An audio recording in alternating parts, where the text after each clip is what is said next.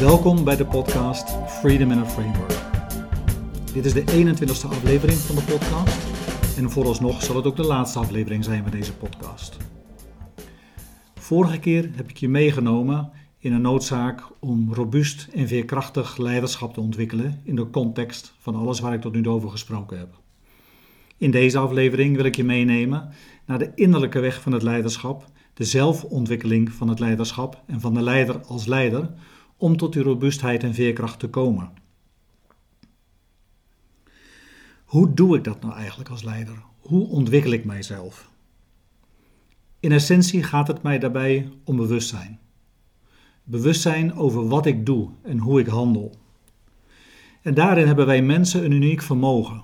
En dat unieke vermogen, dat heet een zelfreflecterend bewustzijn. Wij kunnen onszelf beschouwen.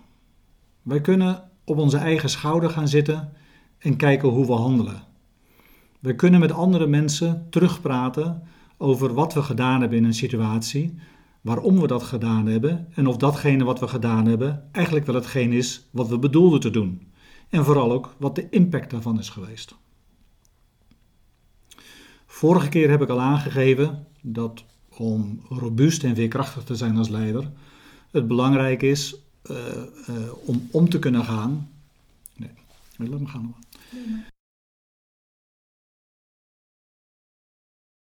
keer heb ik aangegeven waarom het belangrijk is om robuustheid en veerkracht als leider te ontwikkelen. Dat ging in essentie om het feit dat je als leider continu te maken hebt in je organisatie met schokken in de veranderingen en de angst die dat oproept. Niet alleen bij jezelf, maar ook bij je medewerkers. Ik heb daarbij ook aangegeven wat het belang is van de mind en hoe onze mind centraal staat in het genereren van angst en hoe dat een hele primaire functie is van onze mind. Het eerste uitgangspunt wat ik je dan ook mee wil geven als het gaat over zelfontwikkeling is het principe ik ben mijn mind niet. Veel mensen zoals ik ze meemaak in coachinggesprekken, in teamgesprekken als leiders, die vereenzelvigen, zichzelf met hun mind. En hun hele denkvermogen bepaalt wie ze zijn. Wat belangrijk is om te bezien, is dat een, jouw mind niks meer is dan een orgaan in je lichaam. Het is een orgaan met een bepaalde functie. En het is belangrijk om te onderkennen en te snappen, vanuit je bewustzijn te snappen, dat die mind een hele primaire functie heeft. En die primaire functie is het overleven van je lichaam. En dat betekent dat alles wat via je zintuigen tot jouw mind komt, allereerst wordt bekeken op: is het anders dan datgene wat in het verleden is geweest? Is het iets nieuws? Is het iets wat beweging brengt? Ja, dan roept het per definitie angst op. Omdat je namelijk niet weet of datgene wat nieuw is, wat anders is dan het verleden, jouw lichaam wel in de toekomst in stand zal houden of dat het een gevaar voor jou zal zijn. Op het moment dat ik mijzelf vereenzelvig met mijn mind, gebeurt het maar al te makkelijk dat ik zoveel kracht geef aan mijn mind, dat alles wat mijn mind produceert, ik voor waar aanneem. En dat betekent dat op het moment dat dat hele primaire, onbewuste signaal van denk erom, er is iets nieuws, dus er dreigt gevaar, naar boven komt, op het moment dat zich dat vertaald is, oh en daar heb ik gelijk een oplossing voor, het gevaar is dat ik daar gehoor aan geef. Wij leven vandaag de dag in situaties waarbij die hele primaire angstfunctie in 99,9% van de situaties niet meer van belang is.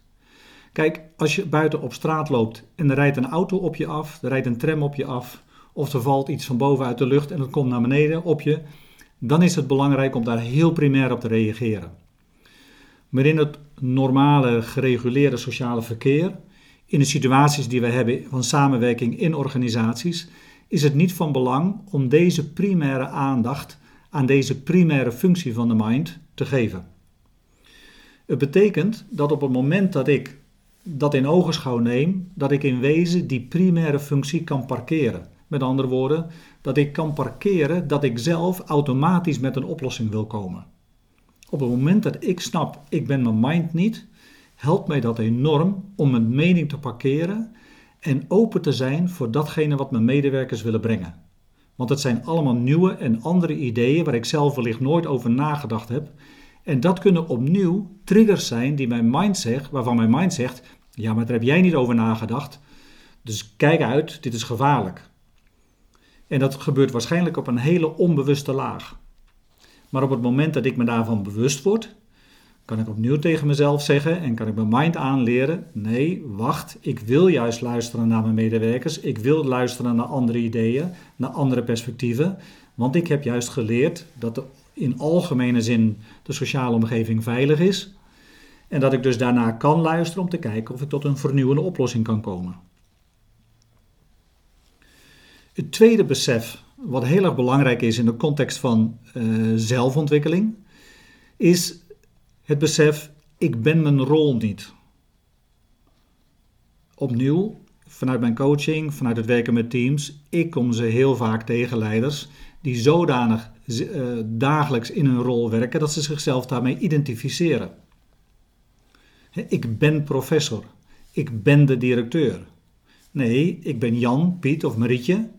En daarnaast heb ik een rol. En in die rol heb ik een titel. En die titel betekent dat ik de rol van directeur heb of van professor heb.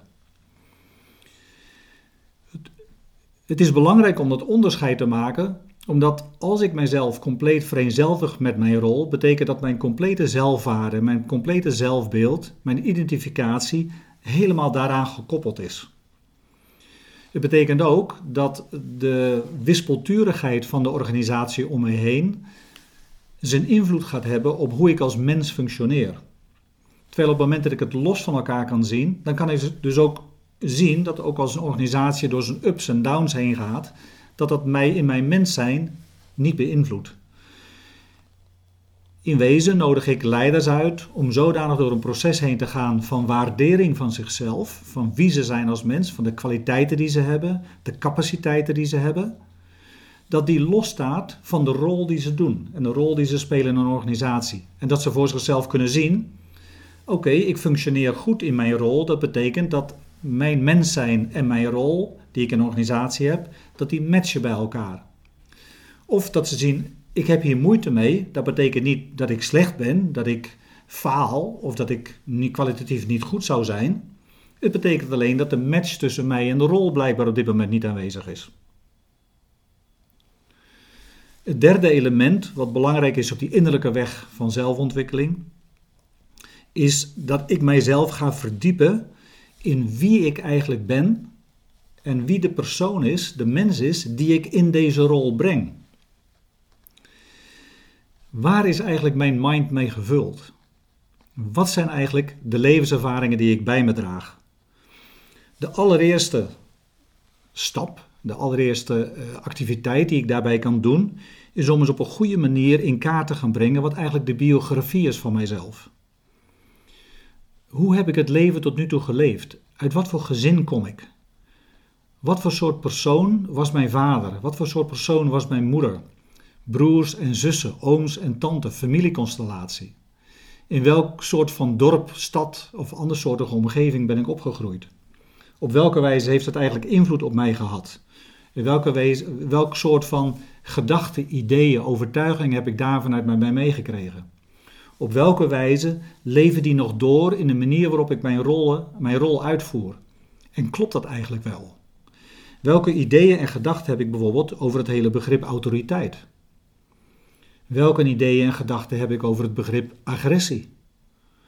Welke ideeën en gedachten heb ik over verbinding? Ik kan je daarbij een voorbeeld geven. Ik heb gewerkt met zowel een mannelijke als een vrouwelijke leider die op hun eigen manier problemen hadden met het nemen van besluiten. Ze waren allebei uh, in hun carrière zeer krachtig in ontwikkeling gegaan. Ze hadden allerlei stappen genomen en ze waren op een positie terechtgekomen waarin ze zeg maar een leidinggevende directiepositie hadden. Ze werden verondersteld in die positie besluiten te nemen, ja, nee, waar naartoe te gaan, etc. En allebei op hun eigen manier hadden ze nooit gedacht dat ze in het uitvoeren van die rol er tegenaan zouden lopen dat ze klem zouden, klem zouden raken de nemen van die besluiten. Dat ze ja en nee niet goed zouden kunnen uitspreken. Ik ben uiteindelijk met hun in de coachinggesprekken, nadat ik langs allerlei wegen gezocht had, hun biografie ingegaan. En bij allebei kwam op een gegeven moment, toen ik met hen sprak over de mind en hoe vooral in het reptiele brein, de hele traumatische kant in de mind, eh, daarin hele bepalende functies opgesloten, uh, herinneringen opgeslagen kunnen zijn, kwam bij allebei op een eigen manier kwamen seksueel traumatische ervaringen naar boven toe, ervaringen van misbruik. Ervaringen waarin zij in hun kind zijn, in hun jong zijn, niet in staat waren geweest om nee te zeggen. En dat waren spanningsvolle situaties waarin, waar andere mensen bij aanwezig waren. En wat in beide, bij beide bleek in hun dagdagelijkse bestaan van hun leiderschapsrol, is dat die onverwerkte ervaring in hun bestaan, die ze, die ze weggedrukt hadden naar een hoekje van hun geheugen, wat ze eigenlijk niet meer boven tafel wilden halen, dat die onverwerkte ervaring een enorme invloed had op hun vermogen om in het dagdagelijks leven ja of nee te kunnen zeggen op het moment dat er besluiten genomen moesten worden.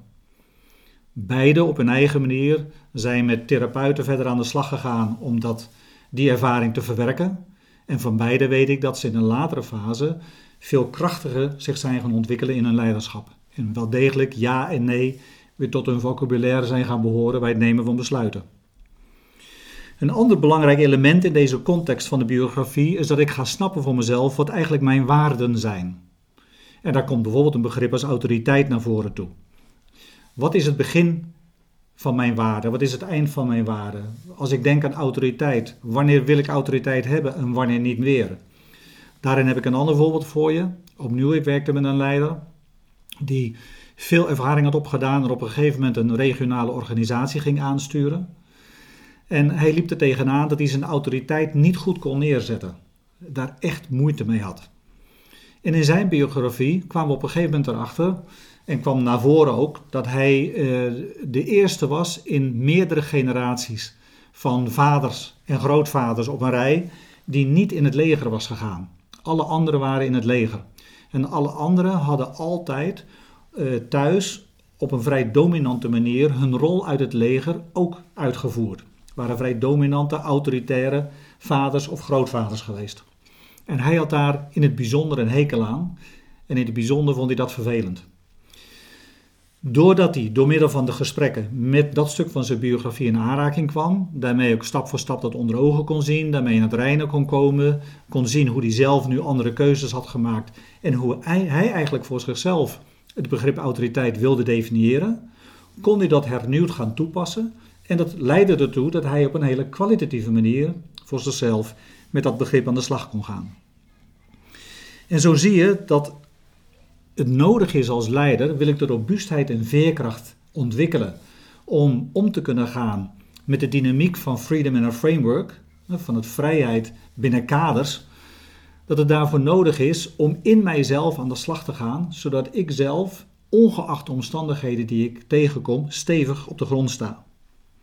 Uiteindelijk is het belangrijk, en dat kan ook misschien de aanleiding zijn om nu voor jezelf het eens een keertje te gaan doen, eh, is het belangrijk om voor jezelf drie vragen te stellen en te beantwoorden. De eerste vraag is: waarom doe ik eigenlijk wat ik doe? De tweede vraag is: waarom doe ik niet wat ik wel wil doen? En de derde vraag is: waarom doe ik wel wat ik niet wil doen? Ik kan je verzekeren dat deze drie vragen de basis en de bodem vormen voor een wat een langdurig proces, een intens proces van zelfontwikkeling kan zijn, waardoor je als leider veel krachtiger gaat staan. Tot slot van deze serie van afleveringen, deze podcast. Waarom zou ik als leider eigenlijk dit hele proces ingaan van en mijn zelfontwikkeling en de weg van het, het creëren van de vrijheid voor medewerkers om met elkaar die processen van frictie aan te gaan en het proces van het betrekken van medewerkers in het creëren van alle frameworks om met elkaar eh, de kaders te creëren waarbinnen we willen werken. Waarom zou ik dat eigenlijk doen? Allereerst zou ik willen beginnen bij jezelf. Het is voor jou als leider ongelooflijk veel waard om in je mens zijn echt een balans in jezelf te vinden. Om in je mens zijn met de kwaliteiten naar buiten te kunnen komen die jij als mens bij je draagt. Hoe meer je dat reflectieve proces, dat zelfreflectieve proces ingaat, hoe krachtiger daarmee jezelf in de wereld kunt zetten en je ook vanuit jezelf en je eigen kwaliteiten kunt leven. Het tweede is dat op het moment dat je deze ruimte, deze vrijheid aan medewerkers gaat geven om met hun uniciteit te komen, om met hun autonomie te komen, om met hun doelen te komen, dat het ook betekent dat je veel meer toegang gaat krijgen tot hun potentieel. Dat hun uniciteit ook daadwerkelijk naar buiten kan gaan komen en dat je, dat je daarmee ook met elkaar een innovatie aan de gang kunt krijgen, doordat die frictie met elkaar gaat plaatsvinden, die veel verder gaat dan, wanneer jij, dan wat jij in je eentje ooit zou kunnen bedenken. Maar voor mij is er nog een veel belangrijke reden, namelijk dat je op dat moment bezig gaat om ruimte te geven voor de unieke menselijkheid van al die medewerkers. Dat betekent dat je ruimte geeft aan de medemenselijkheid, terwijl je dat wel in onderlinge verbinding doet. En uiteindelijk, en dat is ook wat mij betreft waar deze podcast mee begonnen was, en waar ik hem ook mee zou willen eindigen, dat is dat je als leider op deze wijze samen met je medewerkers resultaten kunt halen zoals je nooit alleen zou kunnen doen en meer dan dat je ooit tevoren uh, hebt kunnen realiseren. Ik wil je bedanken dat je hebt willen luisteren naar deze podcast, naar al deze afleveringen. Ik wil je uitnodigen om het ook daadwerkelijk toe te passen. En ik wil je dat uitnodigen niet alleen voor jezelf, ook voor je medewerkers. En ik wil je ook daartoe uitnodigen, omdat ik zelf in mijn werk het plezier heb gezien wat dat brengt voor zowel de leider als voor de medewerkers. Enerzijds in de onderlinge samenwerking, anderzijds daadwerkelijk in de resultaten die je met elkaar kunt genereren.